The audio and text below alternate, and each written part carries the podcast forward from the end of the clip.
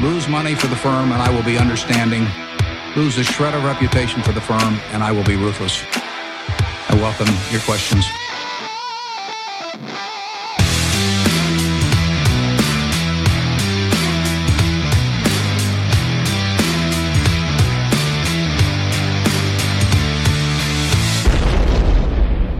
Välkomna till Kvalitetsaktiepodden. Det är jag som är Ola. Ja, och det är jag som är Klas. Eh, det här är avsnitt nummer 15 som spelas in torsdag den 19 april. Och idag handlar det här avsnittet om hur jävla förbannade vi är på Nasdaq efter stoppet igår. Hur, hur har du kunnat sova i natt Ola? Nej, jag vet inte. Jag, ja, eh, jag brukar inte bry mig så mycket, men eh, vi hade Nej. lite bra grejer på gång i, igår kände jag, igår förmiddags där. Så att det var lite surt. Ja, nej, i Men det är ärlighetens namn faktiskt så tog vi lite kontakt där när vi tyckte det var konstigt att det inte hoppade igång som det skulle vid nio där. Mm. Och det första du sa då Ola, det var ja, känner du dig trygg nu om den inte går igång på tio år? Mm, precis. Och Ja. det, det tyckte jag vi kände oss. Så det, det, är så, det är den känslan man ska ha. Ja, vi skrapade fram, fram något litet förväntansbolag där som vi inte visste riktigt vad det som skulle hända men det, det är sån här skoj man har ibland. Nej, det är bra att, alltså, om man känner sig stressad av att börsen inte är öppen. Då är det ingen bra känsla. Utan eh, du, jag tyckte det var skitskönt egentligen. Och framförallt när man fick liksom, eh, ja, lite sådär. Den öppnar igen 14.10 och sådär. Och, ja, det, det, det, det kändes bra. Ja, man har väl helt enkelt en annan grund Ja. eh, för sin, varför man är på börsen än vad vi har kan man säga. Precis. Så det kan nog eh, stört en del. Mm. Eh, så är det. Så att eh, med den här tioårshorisonten så var det en parentes. Men oaktat det så kändes det lite förvånande att Nasdaq var så extremt känslig för här, en sån här störning. Ja, Jag kommer inte ihåg en så här lång faktiskt. Eh, Jag vet ju att det har blivit förseningar och störningar historiskt. Men under mina 15 år så, jag kommer inte ihåg att det liksom mer än en halv dag har gått bort i, i något. Faktiskt. Ja. Rätta mig om jag har fel, då får ni skicka in något. Men jag, jag tror inte det. Eh, Konstigt. Och, och enligt eh, leverantören där så hade det ju inte ens varit någon incident mer än att just det larmade för en incident. Då. Precis, precis. Och ändå så tappar man Ja, en, en, halv, en halv dag då. mm, precis. Ja. Nej, så vår uppmaning till Nasdaq är ju att ringa kvalitetsbolaget Proact. Eh, som kom med sin Ja, rapport igår som man då inte kunde handla på på grund av det här. Eh, så de kan säkert ge ett bra pris. Eh, och sen så vill vi så här ti- tidigt också varna känsliga lyssnare igen i det här avsnittet. Det kan bli en hel del Swedol innan vi kommer till analysen av Mr Green. är det det Ja, folk väntar på tror du? Det, det vet jag inte, men jag, jag kanske står någonting om det i, i någon undertext till det här avsnittet. Så då tänkte jag var bäst. Mm. Bäst att varna. Eh, för där kan det bli en del Swedol här i inledningen. Vi har fått ganska mycket frågor om det. Mm. Ja, och innan vi drar igång med det då så vill vi också påminna våra lyssnare om att aktieinvesteringar alltid innebär ett stort risktagande. Aktier kan både gå upp och ner i värde. Satsa därför aldrig kapital på aktier som du inte är beredd att förlora. Och av transparensskäl berättar vi också om eventuellt eget ägande i bolagen vi pratar om i avsnittet. Detta ska inte betraktas som en köp eller säljrekommendation. Gör alltid din egen analys av läget i bolagen innan eventuell handel. Ja, Ja, då drar vi, eh, då drar vi igång här. Vi börjar med lite aktuella händelser där vi också kommer kasta in ett antal rapporter som har hunnit ja trilla in. ganska tidigt här Ja, som har släppt. och eh, jag tror vi hoppar på. Vi kan inte gå som katten runt het gröt här utan eh, Svedol eh, har ju vi funderat extremt mycket på och det här budet då från Nordstjärnan. Mm, och det känns ju som att vi ska ta upp det som vi har haft med det här i vår eh, buy and hold portfölj eller ha med det. Så eh, nej, måste vi snacka lite om. Vi är ju dessutom eh, ägare i Svedol så det berör ju dig och mig också. Ja, definitivt. Ja, Ja, i Eh, vilken ordning vill du ta det? Rapportens ja jag kan börja. bud, budet? Vi kan börja med rapporten som kom här på morgonen då. Eh, och eh, omsättning plus 5%. Men eh, mars var ju svag på grund av sen vår. De här produkterna som brukar säljas i mars har inte sålts i mars och eh, den här lilla snön som var kvar har väl man har väl skitit i den och inte köpt några skiffrar för det. Va? det man vet ju ändå att den försvinner snart. Va? Så att eh, det är lite försenat här. Mm. Och eh, dessutom så var det ju lite påskdagar i mars i år. Som det inte var förra året. Så det var nästan 10% färre antal arbetsdagar i mars i år jämfört mot förra året. Så mars var ju svagt. Det såg man ju redan när de släppte försäljningssiffrorna. Ja, precis. Att de var ner 7% i försäljningen men de hade ju 10% mindre timmar att sälja saker på. Så att... Japp. Och eh, så att det var inte något konstigt. Och marginalen tappar man lite också. Förmodligen eh, delvis på grund av det. För man har ju inte, man har haft samma personalkostnader. Men man har haft färre antal dagar att sälja på. Helt enkelt. Så vinsten per aktie sjönk lite grann. Eh, ja, Q1 har historiskt senaste två åren stått för 8% av vinsten i snitt. Så det är ju ett väldigt... 8% årsvinsten. Av årsvinsten i Q. Så det är ju ett väldigt betydelselöst, eller li, inte betydelselöst, men litet. Eh, Om, om liksom ett, en fjärdedel står för 8% då är det inte sådär jätteviktigt kvartal va? Nej, vi har ju, tog, tror vi nämnde det i samband med Byggmax också. Att Mm. det gäller att förstå vilka kvartal som är de, Ja, då magin ska hända så att säga. just det. Eh, Så, eh, ja. Eh, april bör ju bli omvänt starkt här då. Rapporten tycker jag i sig inte var några konstigheter. Första gången på ganska många kvartal då vinsten faktiskt sjönk. Det är väl det man kan säga, men jag tycker det finns bra förklaringar till det med mars här då. Och påsken. April bör ju bli väldigt starkt. Då har man istället 11% fler arbetsdagar och allt det som köps inför våren i mars förra året måste ju köpas in nu då. Mm. Och vår är ju ute. Det ser vi ju på, det är ju 21 grader här idag i Linköping. Så Varför står vi då inne i den här studion? då?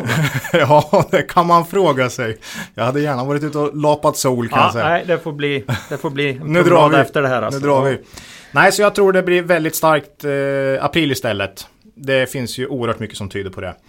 Jag tror man kan räkna med att Swedol gör en vinst på 2,70 kronor i år och då blir PE på 11,8 ungefär och det är ju inte alls högt för ett eh, klassbolag som Swedol med fin historisk tillväxt och lönsamhet. Så tycker jag liksom man känner att inför Swedol som bolag och aktie helt enkelt. Det- Det är lågt värderat och kvalitet. Mm. Det som Bevisar sig gång på gång här. Ja, precis. Och det som eh, då har hänt i Swedol senaste månaderna är ju att Nordstjärnan köpte upp eh, den andra storägarens eh, Zeldas aktier för 32 kronor. Och då, då stod väl aktien i en 35 ungefär. 35 spänn Ja. ungefär när det här kom ut. Och eh, Positiv trend. Positiv trend eh, och aktien känns ju lågt värderat. Men när det här kom ut då så rörde sig aktien ganska fort ner mot just 32 kronor. Ja. Och eh, man vet ju inte riktigt vad Zelda kan. De har ju inte så många sälj, eh, köpare såklart av en så stor post. De är 65 år nu. Bröderna här. De kanske vill... Eh, Jag tänker på de här små figurerna i, i spelet. Zelda. Men det är inte de som säljer alltså. Utan Nej. det är två bröder här som De säljer. här, de här gubbarna var nog snarare med på VIK 20 och den här tiden va? På Ja, Zelda är gammalt alltså. Mm, ja. mm. Ja, nej men så att eh, de kanske ville casha in. Och Mm. Nordstjärnan har gjort det fruktansvärt bra. När de gick in stod aktien i 16 kronor och nu få, fick då um, Zelda 32 kronor. 100% upp på tre år här. Mm. Och eh, även om man kan tycka att aktien är högre värderad så kanske de fattar det beslutet. Och sen hade ju också Nordstjärnan en option här som man inte riktigt känner till. Men den har ju funnits hela tiden på att köpa ut resten under 2019. Och vad som stod i det avtalet vet jag inte men det kan, Det kan Zelda ha- kan ju ha känt sig pressad av den också va? Och tyckt att det här har varit ett fair. Ja, det var lika bra att ta det nu. De visste att de inte skulle få mer om ett år förmodligen. Precis. Men vad det här innebär då för övriga aktieägare är att Nordstjärnan kommer upp i knappt 60% av rösterna.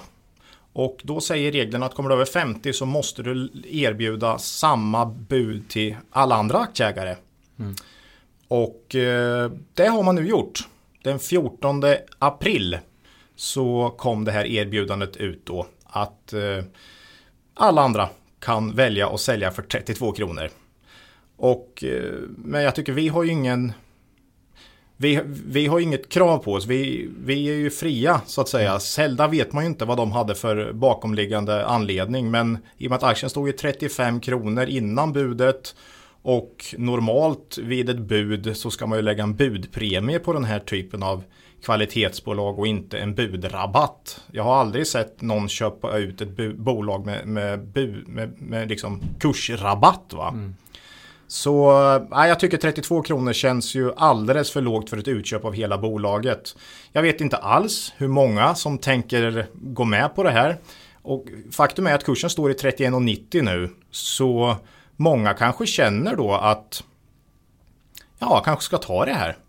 32 kronor. Jag vet inte, jättesvårt att veta men att de skulle få ihop 90% och sen kräva tvångsinlösen av resten det är, då, det är mycket alltså.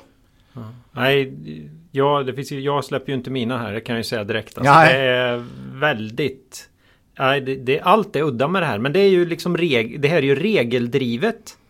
Mer än, men det, ju, det, ser ju fruktansvärt väl spelat ut ja, av Nordstjärnan det här. Ja, man behöver inte vara så konspiratoriskt lagd för att tycka att det här känns lite så. Eh, timingen är ju helt klockren vad gäller det här budpliktsbudet då.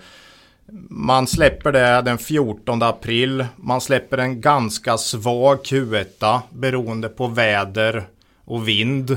Som brukar utgöra 8% som av års... 8% av årsvinsten. Försäljningssiffrorna för, siffrorna för april då, som för, kan förväntas bli väldigt bra, släpps den 16 maj, det vill säga två dagar efter budpliktsbudets tid går ut. Mm. Så det hinner inte aktieägarna se då före man måste fatta beslut. va.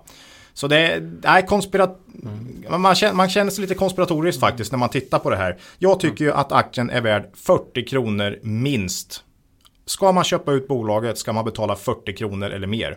Det är, mm. det är min åsikt. 32 kronor är alldeles för lågt. Vi får se hur mycket de får in här. Det blir oerhört spännande för får de in 85 så att de har 85% av ägandet, ja då kan de kanske fiska in resten via börs och så. Möjligtvis. Eller så får de in 70, ja då är det nog för mycket för att försöka fiska in resten. Och eh, ska de höja budet så får de inte göra det inom, inom nio månader. För då finns det en regel att de måste Ja, om har du köpt in för 32 kronor så får du inte liksom lägga ett nytt bud här inom nio månader. Så att då får man ju vänta på ett eventuellt sånt bud. Mm. Ja, det är mycket här och eh, dessutom har man ju en inbromsning i eh, byggandet i Sverige. Så eh, ja, ja, investerarna kanske är lite oroliga för, för hela den biten. Så att kanske man kan komma över det här.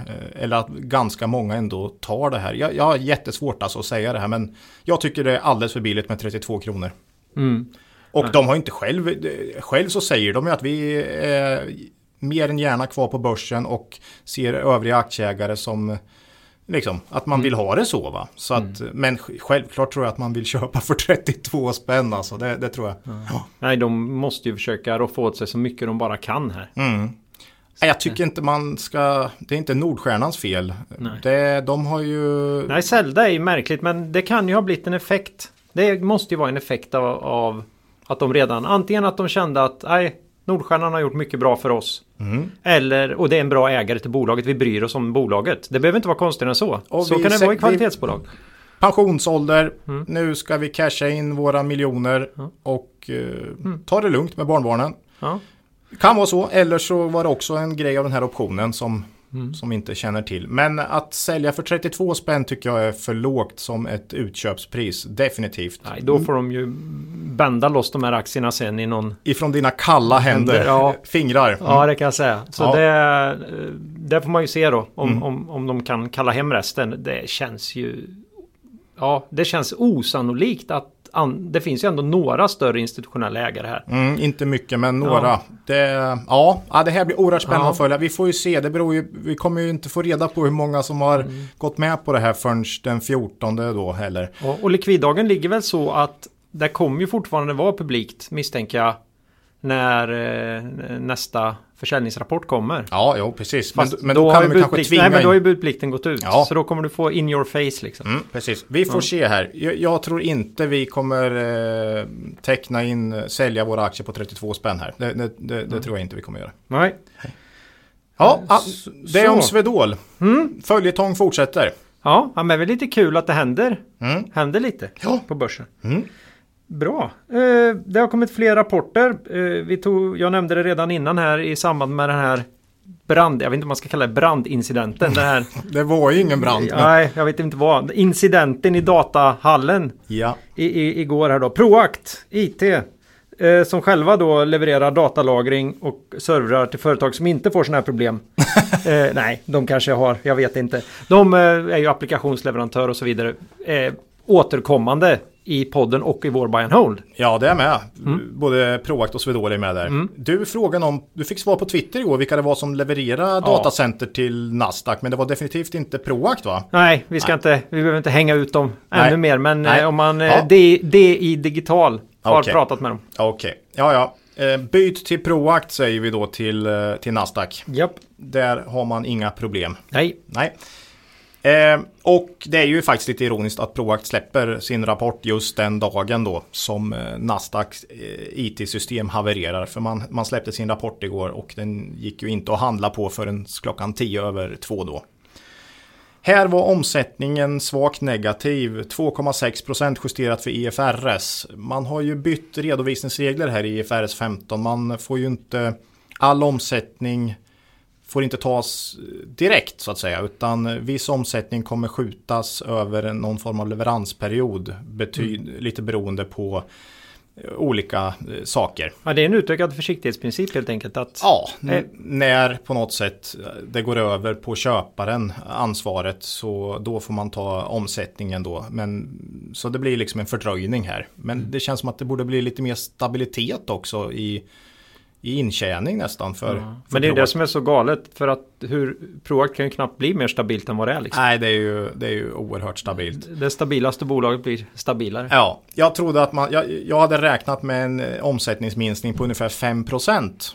Ehm, Och då hade jag inte alls koll på det här IFRS. Men jag hade räknat på minus 5%, nu blev det minus 2,6%. För förra årets Q1 var väldigt, väldigt starkt. Eh, Det, det som är... Man blir nästan förbannad, men, men, men just det här Proact ökar på något sätt alltid vinsten lite grann oavsett vad som händer. Nu är det liksom vd-byten, ordförandebyten. Eh, det är IFRS, men ändå stiger vinsten per aktie. Och De tar ju engångskostnader för vd-bytet här på 2,6 2,6 miljoner. Och man har ju bytt vd varannat år senaste 10 åren. Och, och vinsten blev... Eh, Ja, den gick väl upp några procent. ja, men i 2,75 jämfört med... Storleksordningen här 30 miljoner någonting va? Ja, Ja, precis. så att det är ändå substantiellt de här kostnaderna. De, Ja, det är och det. ändå så ökar de vinst. Ja. Eh, när Proact inte säljer så mycket systemlösningar ett år, det vill säga man tar ju ett, en affär och säljer system då va. Så eh, stiger marginalen för då är det en större andel tjänster och så som har högre marginal. Så att på något sätt när, när omsättningen inte är så stark då ökar marginalen och när omsättningen drar iväg så sjunker marginalen. Så att ja, du har en väldigt bra balansgång där. Och vinsten. Och vinsten ökar nästan alltid. Och eh, ja, det här är ett kvalitetsbolag.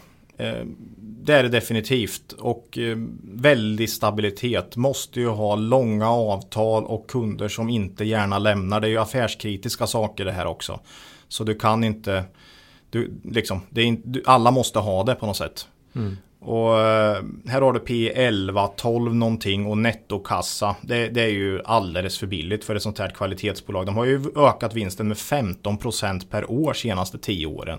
Det är ju alldeles för billigt. Det säger sig självt. Ja, i, i snitt då. I snitt ja. Ja. Eh, Men mycket är förvärvat där. Jag tror den Alltså organiska det, finns ju någon tillväxten är inte slags, så hög. det finns ju någon slags lokal mot här. Jag vet inte vad man ska kalla det riktigt. Men har du väl gått in i en sån här extremt fundamental strukturaffär Mm. som, som deras kunder gör när du, när du väljer dem som leverantör eller en konkurrent. Mm. Då, då krävs det ju vansinnigt mycket för att du ska byta.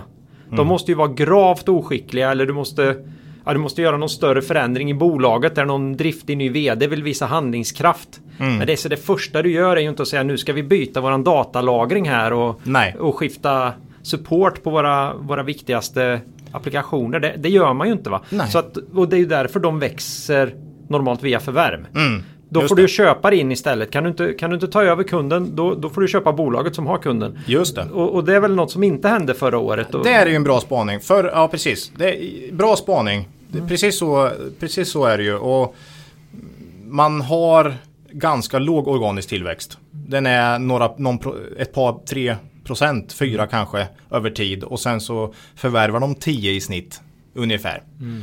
Eh, Och så får de nya, en ny liksom, kundbas att plocka på tjänster på då när de har förvärvat. Så att, äh, det är ett bra bygge.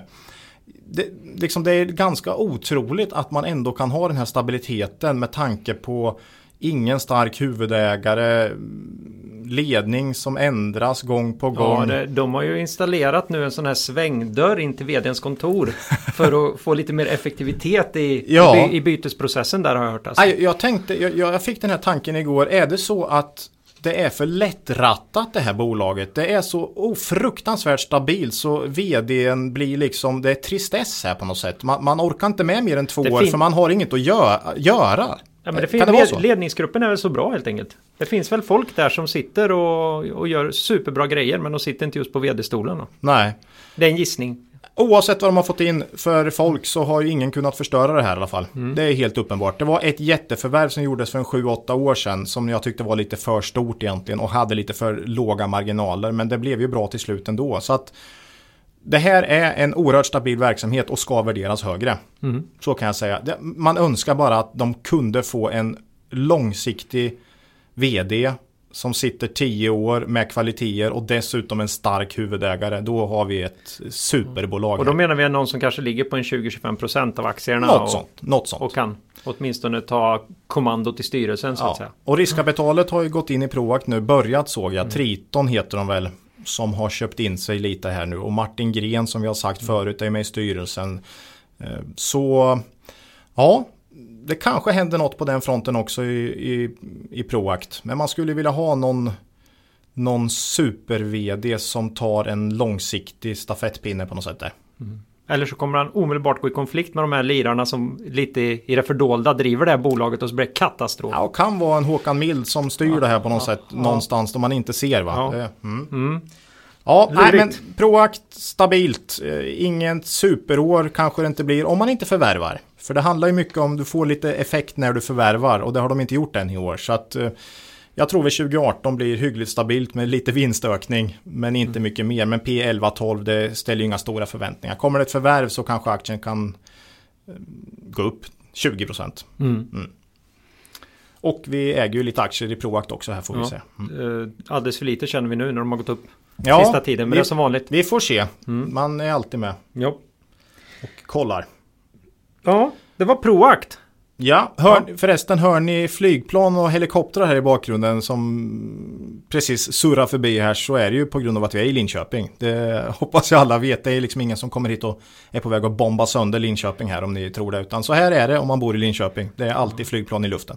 Ja, jag, jag har ju tänkt att det är märkligt att de alltid ska starta åt det här hållet från Malmens flygfält. Men eh, det spelar ju nästan ingen roll om de går in för landning eller om de drar iväg. Det låter nästan lika Nej. mycket. Och det kommer komma med på våra ljudinspelningar oavsett vad vad man har för studio här i Linköping så går det igenom. När JAS drar förbi på några, på liksom 100 meters höjd över studion, då låter det. Så att ni får ha överseende med eventuella ljud från eh, flygplan och helikoptrar här. Då ska vi också minnas att eh, störningar från flyg är ju inte det största ljudproblemet i den här podden. Nej, men nu, men nu hoppas vi Nu hoppas vi att vi har koll på det framöver här. Ja. Jag ska också försöka bli bättre på att inte upprepa samma ord och jag ska försöka att inte säga så mycket eh, Men det var, det var mest de Ja, första gångerna. Precis Ola. Precis! ja.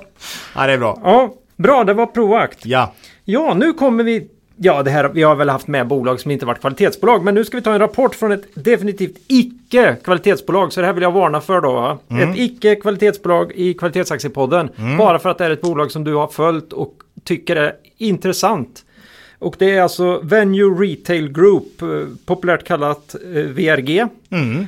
Och de här gör ju affärer med, säljer smått och gott. Ja. Inte, inte minst Accent är väl en butikskedja som folk känner till som ingår i den här. ja, Ritzo heter väl någon kedja också. Det är väskor och det är skor och... Senast jag var inne och köpte bagage, sådana här bagagetaggar, de slits ju ut Mm. Ja, under just det. resandet. Ja, det är väl väskor är deras. Ja. Ja, Nej men bra. Var det något mer du hade där? Nej, Det, det räcker så. Ja, det räcker så. Nej men det, det här är inget kvalitetsbolag. De har däremot ryckt upp sig lite sista två åren. Men de har haft år tidigare då de också har visat bra form lönsamhetsmässigt. Liksom. Mm. Det som är lite intressant ur en östgötsk synvinkel är ju att familjen Eklöf har gått in här då. Ja, det är, sta Stadium. det är Stadiums grundare mm. och det är ju Norrköpings, eh, Norrköpings bolag. Mm. Eh, nog om, Norr, om Östergötland. Men eh, Venue Retail. Eh, de har i år då förbättrat lönsamheten ganska rejält senaste kvartalen här. Omsättningen stiger ju fortfarande ingenting men man slår ju bort sämre butiker, lägger ner dem, tar ner kostnader, man sparar sig till ett resultat i dagsläget. Det är så jag ser på det här. Och det kan mycket väl vara familjen Eklöf som är inne och eh, styr nu då på något sätt via, genom styrelsen och så. Eh, sex av de senaste tio åren har man gått med förlust. Så det är ju normalt sett ett bolag som vi inte ens pratar om mm. egentligen. Men just nu så försöker man eh, komma upp i kvalitet och omsättningen står ju fortfarande stilla som jag sa. Det, det växer fortfarande inte utan man sparar sig till, till eh, resultat. Man har fortfarande en svag balansräkning.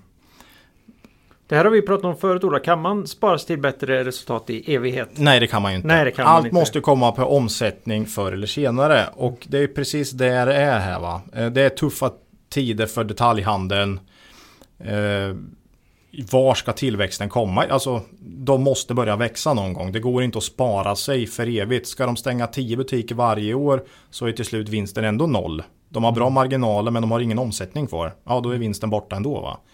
Så eh, jag ser inte vart omsättningen ska komma här. Det är bra vinster just nu. Ja, det är inte bra marginaler heller i och för sig. Den låg på 5% så det är, inga, det är inga bra marginaler men det är ändå bättre än vad det var förra året. Det här är ett svagt bolag med utan vin- omsättningstillväxt som har sparat sig till eh, resultat något år nu. Jag, jag har väldigt svårt att se vart omsättningstillväxten ska komma från framöver faktiskt. Det, mm. det har jag. P under 10, klart under 10. 7-8 skulle jag tro. Så det här är ett sånt här bolag jag har tabbat mig på några gånger. Vi pratade om Cybercom, dåliga affärer sist va. Mm. Cybercom och Prevas. Eh, svaga bolag som ser otroligt billiga ut. Eh, lockar ibland. P 7 då. Men eh, är det billigt för ett bolag som inte har några framtidsutsikter? Nej, det är det ju inte. Mm. Så att... Mm, nej. Och Stadionbröderna där har ju sina egna problem. Deras intjäning, nu är inte de på börsen men det har ju kommit ut i media att den har ju tvär Ja, tvärstannat. Det är, det lite tuffare i sporthandeln också. Den har klarat sig längre mm. och haft det bättre. Men det verkar vara tuff konkurrens där också nu. Mm.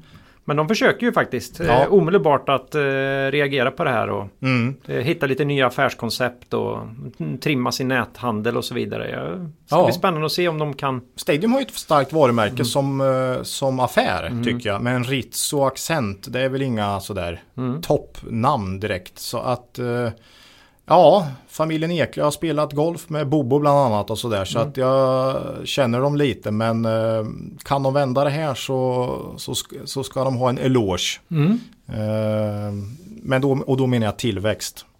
Eh, om, marginal kan man ju få upp enskilda år. Men kan de få det här till, bolag som växer då, då, då av, av med hatten. Ja. Mm.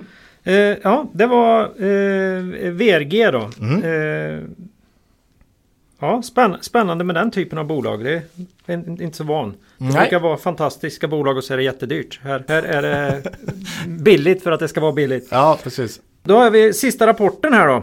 Mm. Eh, Malmbergs. Elektriska. Ja. Mm. Grossist inom elartiklar egentligen. Ja, Örebro tror jag. Sponsrar väl till och med ÖSK eller, ja, jag tror faktiskt de sponsrar Örebro Sportklubb också. Så att, ja, vi killgissar på det. Ja, vi killgissar på det. Ja. så är det garanterat nu när du säger det så måste det vara så. Ja, vi får se. Ja, eh, ja eh, det här är ett välskött bolag med en av, eh, en av Stockholmsbörsens kortaste kvartalsrapporter skulle jag säga. Det, eh, det är inte mycket information där. Det, det, det, måste vara så nedbantat som det bara går eh, utifrån de regler som Nasdaq ställer på bolagen. du får gissa dig till hälften men du får ju ändå en resultat och balansräkning. Va? Mm. Eh, omsättningen här nu sjönk med 5% i Q1. Man hade en ganska svag avslutning på 2017. Eh, ebit steg dock 10% här och man har en bra historik vad gäller lönsamhet. Det är stabilt och välskött och eh, det som är problemet här tycker jag är att man har ingen större tillväxt över tid. Utan bolaget står och stampar med lönsamt men lite ryckig, ryckiga marginaler faktiskt. Så att, eh, men, men stabilt och välskött. Men det får inte vara för dyrt om, om de inte växer så, så att säga. Va? Nej, nej, de försöker ju. De är ju på nätet som alla andra också idag och sådär. Mm. Ja, ja, precis. man har låg omsättning och vinsttillväxt, så är det. Och eh, jag vet inte riktigt, det, det, borde ju ha en hel del kopplat till byggkonjunktur och så också. Med tanke på hur många elektriker som handlar där och så. Och eh, ja, ja, det är inget tillväxtbolag, men hyggligt, men välskött, så mm. kan vi säga. Eh, jag skissar på en trolig vinst för 2018 på någonstans runt 7 spänn. Och då blir det P15 någonting sådär. Mm. Så det känns ju inte som eh, jätteintressant på nuvarande nivå eh, med tanke på låg tillväxt och lite ryckiga marginaler. Även om de alltid är klart på plus och alltid visa vinst så, så känns det inte jätteintressant. P10 då hade man kunnat börja fundera kanske. Mm. Ja. Ja men då har vi ett sånt där vin dyrt vinst. Ja. Igen här då. Mm, precis. Ja men vi håller koll på dem. Mm. Rätt som det är en dag så är det någon som lackar ur på M1 i Malmbergsen och sånt där. Och då kan man få chansen. Ja, de fick ju en rejäl smäll här i slutet på 2017. När marginalerna var sämre än väntat mm. och, och, så. så att, eh, men jag tycker de måste ner mer för att det ska vara ett tydligt köp. Mm. Så är det väl. Ja, mm. Malmbergs. Ja. Det, det, var några rapporter där. Mm. Fyra stycken. Ink Svedol då. Ja, kommer bli mycket fler nästa gång. Det är vi rädda för. För nu är det, drar det igång här. Ja. På allvar. Jag vet inte om, du sa det innan här men eh, det, det kommer komma några två, två avsnitt efter varandra här nu med väldigt, väldigt mycket rapporter. Ja. Vi kan börja varna för det redan nu. ja. Eller tipsa. Eller tipsa. Finns det de som gnuggar händerna också. Exakt. Ja, det var faktiskt eh, det aktuella vi mm. hade. Mm. Det var bra. Så då går vi vidare till bolagsanalys då. Mm. Och det här är ju på lyssnarnas begäran, eh, två stycken här. En, en väldigt populär misstänker jag i Mr Green. Ja, många som har frågat om. Ja. Så det... Och sen hade vi även fått frågan om Svedbergs. Så att, eh, och du har tittat lite närmare på, på de här. Vill du börja med Mr Green? Ska jag kan vi göra rycka det. av plåstret direkt? direkt. Ja. ja. Det tycker jag. Det här är alltså ett gamblingbolag då. Mm. Eh, enligt det här, vad ska jag säga, numera klassiska snittet. Det är sportspel, det är kasino. Det är garanterat live-casino numera också. Mm. Eh, ja, de hänger ihop med sina peers eller sina kompisar som är Leo Vegas, Betsson. Ja, helt rätt. Och eh, det här är en bransch jag har följt ganska noga under lång tid. Um, Mr Green har ju faktiskt haft några ganska svaga år, framförallt lönsamhetsmässigt då. Man har ju fortfarande eh, ökat omsättningen men Resultaten har varit väldigt svaga, men 2017 var ju en rejäl uppryckning här nu lönsamhetsmässigt och eh, man verkar ha fått, eh, fått fart på saker och ting och omsättningen steg med 30 procent. Men eh, justerat ebitda upp eh, 100 procent. Mm. Så 2017 var verkligen ett år liksom tillbaks till form känns det som. Eh, 30% har man faktiskt legat på i tillväxt över de senaste fem åren. Så omsättningsmässigt var det inte så fantastiskt. Men, men eh, man har fått lönsamheten är bättre. Eh, man har fem, över 50% på reglerade marknader och det är ju mer än Betsson och många andra. Och det ser vi ju som något positivt då, att man ja, så att säga redan... Man vet det, redan. Spelreglerna är, är klara. klara. Mm. Eh, som, jag tror man har 55 procent eller något sånt från reglerade marknader. Så att det, det tycker jag känns bra mm. i, i eh, Mr Green. Österrike har ju varit en följetong i det här bolaget under flera år och eh, man tog någon smäll där för ett par år sedan där man helt plötsligt tog upp en, en skatt över resultaträkningen där man kände att man inte hade på fötterna och var rädd att man skulle behöva betala det. Um, nu gör man har någon typ av för, försiktighetsprincip nu och tar kostnader för skatt över resultaträkningen trots att man egentligen inte vet vad utfallet blir här. Och det är just det här österrikiska caset? Då. Österrikiska, precis. Ja. Uh, och uh, ja, får väl se, kan ju bli en positiv effekt där om man har på något sätt skulle vinna en tvist där. Man, man har ju någon sån här uh, tvist med österrikiska staten där. Det är nog inte bara de utan det är fler spelbolag som eh, ifrågasätter österrikiska statens rätt att ta ut skatt då. Ja. Så eh, ja, men här känns det som att Mr Green kör verkligen försiktighetstänket då. Och bokar upp det här som en eh, över resultatet då. Tar det på resultatet. Mm. Uh, vi har ingen känsla för storleksordningar här eller? Ja, jag, det är ju ett par hundra miljoner skulle jag tro totalt sett. Mm. Uh, så det, det är ju ganska mycket. Ja, mm, det är det. Märkbart om det kommer tillbaka. Då Defin kan de göra ett omedelbart förvärv. Ja. För det gillar de ju den här branschen. Definitivt. Mm. Eh, och inte bara det, man har en nettokassa redan idag på mm. över en halv miljard. Är inte det lite unikt? Eller? Jo, det är lite unikt för senast, det var, Leo Vegas hade ju det, men har ju förvärvat rejält sista året och väldigt många spelbolag förvärvar nu då. Det är ju Eh, mycket strukturaffärer i branschen. Ja, marknaden konsolideras. Ja, och eh, här har man kvar då en eh, över en halv miljard i kassan. Vilket känns väldigt bra. De verkar försiktiga och tar det lugnt och säger vi ska vi ska vara ett stabilt bolag, vi ska ha muskler kvar och sådär. Så att jag tycker de eh, Ja, de, de, de, känns, de känns bra vad gäller på just liksom att man, man, man går fram hyggligt försiktigt. Eh, man lägger oerhört mycket på marknadsföring. 30-35% av omsättningen eh, lägger man på marknadsföring och det är ju mer än Betsson och Kindred. Eh, man, ska ju ta, man tar marknadsandelar helt enkelt. Men Leo Vegas ligger ännu högre. De, de ligger uppemot 50% eller 45% i alla fall. Så det är oerhört stor del där.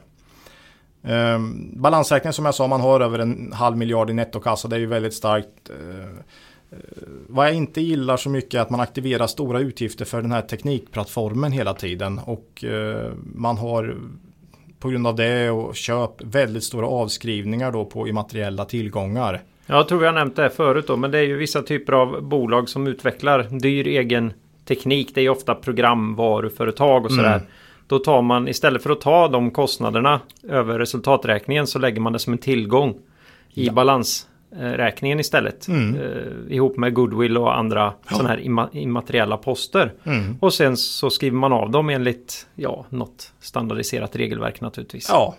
Eh, så tar man kostnaden efterhand eh, bokföringsmässigt kan man säga på det sättet. Då. Just det. Mm. Och här lägger man väldigt mycket på balansräkningen då och sen skriver av. Så avskrivningarna ju, var ju, jag tror de var ungefär 80 miljoner förra året, vilket mm. är väldigt mycket. Och man har över en miljard i immateriella tillgångar. Mm. Leo Vegas har också jättemycket immateriella tillgångar såklart. Men man skriver inte av lika mycket och framförallt det här med teknikplattform där har jag inte sett att eh, andra bolag inom gambling eh, aktiverar så mycket utgifter för det som Mr mm. Green gör. Det, det, det oroar mig lite. Jag, ja, jag skulle helst se att de tog det över resultaträkningen på ett annat sätt faktiskt. Ja. Men då hade ju lönsamheten sett eh, sämre ut. Ja, och då är det, under, det är ju det man funderar på. Är de egentligen inte fullt så lönsamma som de ger sken av då? Just det.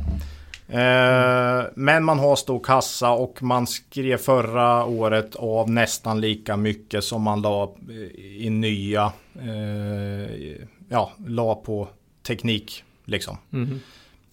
Så, mm, nej, men nej, det, det, tycker jag inte känns bra. Man har precis förvärvat Evoke Gaming, så där kommer det lite goodwill in också. Som man inte, ja, vad heter Evoke? Ev Evoke Gaming eller mm. Evoke mm. Gaming. Ja, jag tänkte så ingen... ingen uh... Star Wars-fantast. Ja, mm. nej, eller tror att det är Evo Gaming som Aha, Evolution. Evo, nej, så att vi nej. gör väldigt klart här att det inte Evoke Gaming ja. tror jag det ska... Mm. Mm. Uh, och det har man precis gjort då. Också immateriella tillgångar såklart som kommer in där. Eh, det här har man köpt väldigt billigt. Det har varit ett sorgebarn, Redbet tror jag de heter, eh, deras varumärke. Och det här bolaget kommer tillföra cirka 10% i omsättning men ingen vinst mm. direkt. Har visat förlust också det här bolaget. Men vd sa nu att man tror att man ska kunna visa positiva siffror redan 2018. Mm. Och det kan mycket väl vara så. Men eh, det kommer ju få en viss utspelande effekt på marginalen här eh, för Mr Green under 2018. Jag tror att man kan växa 30% i år, framförallt med tanke på att 10% kommer in då från förvärvet. Vinsten per aktie bör också stiga och man kanske landar på 3,50 något sånt i vinst per aktie och då är det P 14. Och det är ju inte jättedyrt faktiskt med tanke på snabb tillväxt och konjunkturokänslig bransch. Men eh, politiska risker är ju högre än normalbranschen skulle jag säga. Mm. Ja, jag tycker aktien ser billig ut. Eh, men företaget det känns som en lite sämre kvalitet än eh, Leo Vegas faktiskt. Om man kollar på ledning och, och eh, ja, hur bolaget är skött över tid. Men värderingen är också helt annorlunda. Leo Vegas värderas ju väldigt högt och Mr Green har ju ett fullt rimligt P tal mm. Så um, jag tycker Mr Green känns klart intressant faktiskt. Och det som oroar är just de här immateriella tillgångarna och avskrivningarna som jag, nej, det är något där som jag inte riktigt gillar. Och sen så ledningen har ju historiskt varit eh, klart sämre tycker jag. Men sista fem kvartalen i Mr Green har varit väldigt bra. Mm. Så Mm, det känns som att Mr Green är på gång. Ja. Så känns det verkligen och det kan mycket väl vara en bra investering nu. Vi äger inga aktier men eh, ja, känns intressant mm. tycker jag. Ja, Mr Green alltså. Ja, ja ska, man, ska man in i den glödheta gambling? Ja, ja liksom, till skillnad från Betsson då som inte växer så mycket för tillfället och sådär så har du ju här ändå ett tillväxtbolag med, som växer snabbt till en rimlig peng här med nettokassa. Det är mycket som är attraktivt här tycker mm. jag. Uh, och eh, fem kvartal i rad med bra utveckling här nu är ändå ett tecken på att man är på rätt väg tycker jag. Mm. Så Mr Green, det kan mycket väl vara något. Ja. Mm. Uh, det var spelspecialen där då. Mm. Då går vi ju till eh, no någonting som alla har någon form av relation till i alla fall, in i badrummet då. Ja, vi hade sådana här Svedbergs luckor när jag var liten kommer jag ihåg mm. eh, hemma. Så det är säkert ja, många som... De, du kan nog plocka upp ett komplett badrum. Med mm. grejer bara från Svedbergs misstänker jag. Ja. Med, allt, med allt du kan önska. Mm. Eh, Så är det. Mm. Eh, och det här är ju ett klass, eh, så här fint eh, klassbolag, eh, alla Kabe. Mm. Som vi har pratat om många gånger i podden. Man, har ingen omsättningstillväxt egentligen eh, att tala om över tid. Senaste 15, här har man ju lång historik. Mm. Det, är ju, mm. det, är ju, ett kvalitetsbolag. Va? Så här har vi 4% i omsättning och vinsttillväxt per år. Mm. Senaste 15 åren i snitt. Så det är ju definitivt inget tillväxtbolag här. Det är det ju inte. Men stabil och bra lönsamhet över tid. Mm. Eh, så det är ju också värt något. Stabil huvudägare, lite som vi pratade om i många av de här andra kvalitetsbolagen. Det är familjen Svedbergs som fortfarande äger en stor del. 25 tror jag, 25 procent. Så ja, ett trevligt bolag. Eh, förra året gjorde man dessutom ett stort förvärv. Mm, makrodesign tror jag det heter och eh, det är också badrumsmöbler, duschar. Så det var ju liksom kompletterande bolag. Och det här fick ju fart på omsättningen. Det var ett ganska stort förvärv. Nästan 40% av Svedbergs omsättning hade de. Så det blev ju 40% tillväxt förra året då.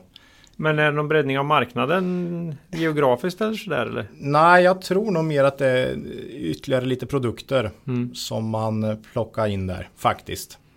Eh, och eh, det här bolaget eh, förde upp omsättningen med 40% förra året då. Den organiska var ju inte så hög även förra året men eh, med förvärvet så blev det ju rejält. Marginalen var lite lägre då i det här förvärvade bolaget så det var lite utspädande effekt på Svedbergs marginal som koncern. Mm. Ja, efter det här förvärvet så är balansräkningen ganska svag. Man har alltid haft en stark balansräkning tycker jag i Svedbergs med låg tillväxt. Men den känns ganska svag nu. Eh, man kommer inte kunna förvärva på mm, bra tag tror jag. Om man inte ska spä ut aktieägarna då. Och, eh, så man får nog räkna med nolltillväxt här. Känns det som, några år. Och eh, med tanke på inbromsning i nybyggande och sådär. Det måste ju också påverka badrum och, och, så. Så kanske man helt enkelt kanske till och med kommer tappa lite omsättning kommande år. Eh, ja, den här aktien har varit en utdelningsfavorit under lång tid vet jag. För man delar ut, jag tror man har snittat över 100% av resultatet har man delat ut till aktieägarna de senaste 15 åren. Så, på grund av den starka kassan då? Ja, man har haft kassa och kunnat dela ut hela resultatet. Mm. Och eh, så även i år. Så man delar ut 2,25 kronor fördelat på två tillfällen. Och vid dagskurs 36 kronor blir det 6,3 procent i direktavkastning. Mm. Och man har alltid haft en bra direktavkastning och jag tror att man har värderats ganska högt på grund av det. Eh, för folk har verkligen, man, man, man gillar det helt enkelt. Så P ligger även här, precis som vi pratade om i eh, eh Malmers elektriska på cirka 15. Eh, och det är väl det ska ju inte vara högre. Absolut inte med tanke på 4% långsiktig vinsttillväxt. Mm. Så eh, nej, jag tycker det är snarare i överkant. Men jag tror att deras historiska utdelnings höga direktavkastning faktiskt gynnar aktievärderingen här. Mm. En del. Men eh, Svedberg skulle också kunna köpa ner mot P10-12 någonting kanske. Men inte P15. Mm. Nej, här trygghet. Trygghet försöker, ja eh, precis. Betalar sig här på något sätt då. Ja. En, de, har, de har tappat marginaler sedan tio år sedan också. Eh, ja, nu ligger man strax över, ja, runt 10% i rörelsemarginal. Och det kanske är där man ska ligga långsiktigt också. Så att det finns inte jättemycket att göra tror jag på, på marginalsidan. Nej. Heller. Eh, jag vet inte var de har sin tillverkning och så men man misstänker väl att den kanske är utflyttad. Jag kan inte det tyvärr. Nej. För det är också intressant att det lär väl inte bli billigare att producera de här grejerna i framtiden heller. Nej. Eh, så att, eh, ja. Inte så hett i Svedbergs alltså. Nej, tycker Nej, men jag vi, inte. Men vi spolar den ändå inte. nej. Ja, ja, nej, men både Malmers och Svedbergs, alltså det är, det är ju välskötta, fina bolag, mm. men P15 och ingen tillväxt och sådär. Det, nej, det känns inte så jättekul tycker jag faktiskt. Nej. nej. Men likväl, likväl. Tittar, vi, tittar vi på dem. Jo, det måste kvartal man göra. efter kvartal. Mm. Ja, vem vet, Mr Market kanske får för sig något. Någon gång kanske det blir P7, vem vet. Ja. Mm. Det var allt vi hade om bolag. Ja. Då hoppar vi raskt vidare in på veckans fråga. Eh, det här har vi ju nästan svarat på men inte riktigt så du har fortsatt att få frågan lite grann så då tänkte vi skulle ta det. Mm. Hur ser ni på att investera i investmentbolag? Ja. Hur ser vi på det Ola? Ja, jag, tror vi fick den om eh, fastighetsbolag. Va? Mm. Och så det tog vi upp här Men det här tycker jag är lite annorlunda.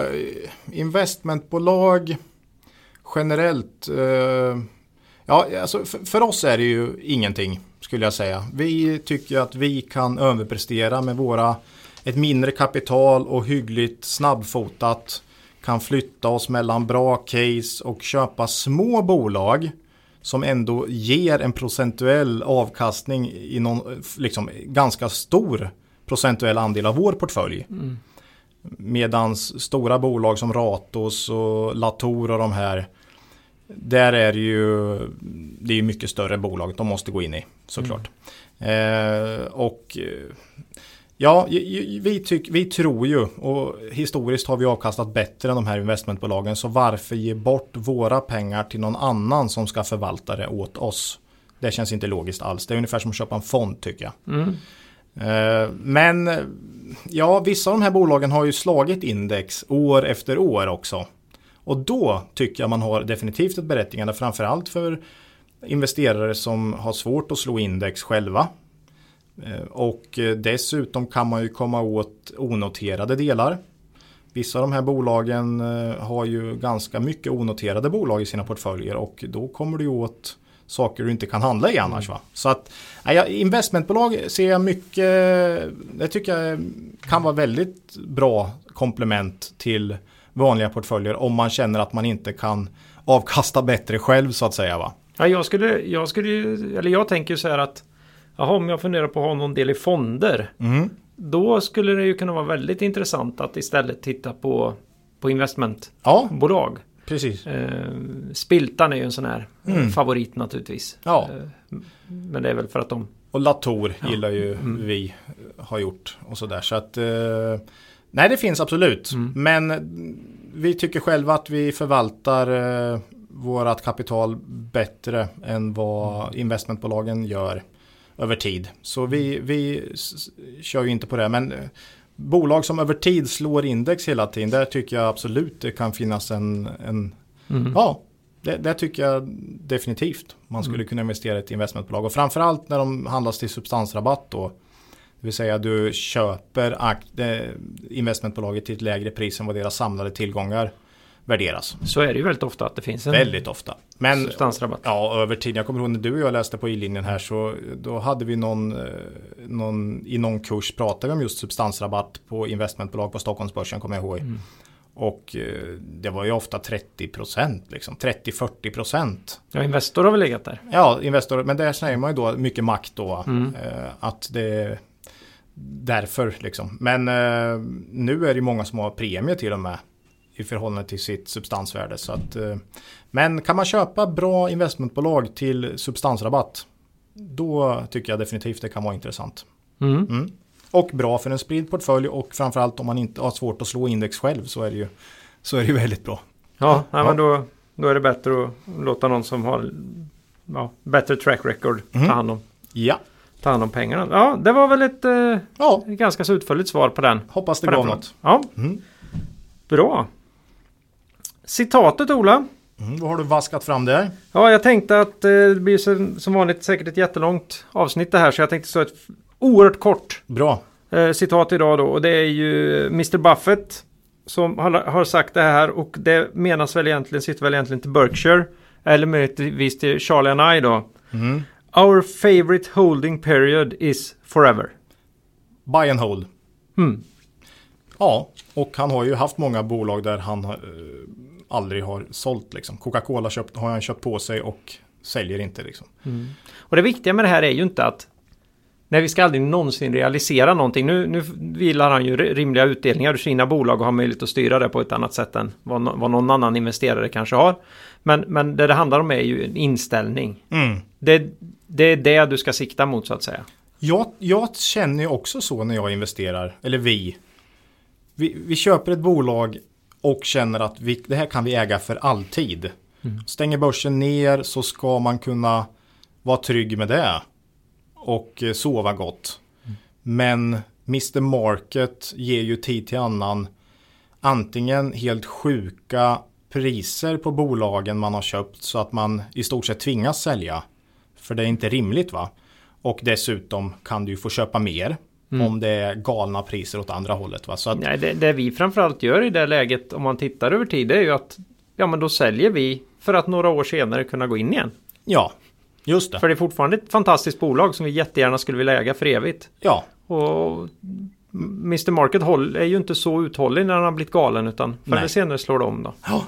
Eh, så ja, och många bolag som BTS till exempel har vi ju haft under många år och då tycker vi ju inte att marknaden, Mr Market har blivit riktigt galen någon gång va.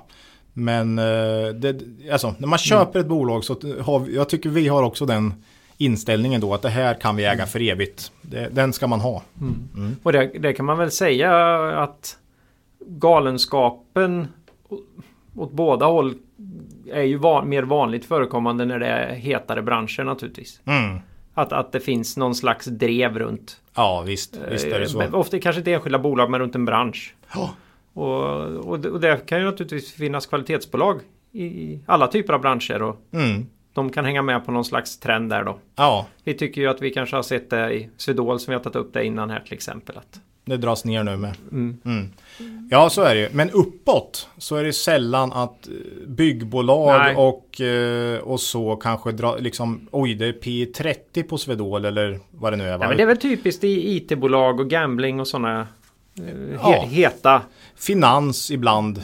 Men nu kan man kanske säga då att vissa konjunkturkänsliga branscher är högt värderade på grund av högkonjunktur och så. Men nej, generellt är det väl liksom IT-bolag och så. Mm. Men vi går ju inte in i dem på grund av det. Överhuvudtaget. Men man kan observera att det finns ju, händer ju galna saker ibland. Ja, absolut. Så är det. Ja, och det kan gå galet åt andra hållet också ska man ha klart för sig i sådana branscher. Så, att, Ja, eh, så det gäller att vara försiktig och tänka igenom vad man håller på med. absolut. Men visst, grundidén är att vi ska kunna ha de här för evigt. Vi Mm. skulle vilja äga hela bolaget om vi kunde. Ja, Tyvärr är det sällan man kan det. Det är Buffett som gör, gör det. Mm. Ja, det var citatet. ja. Då har det blivit dags att tänka på refrängen här då. Mm. Ja.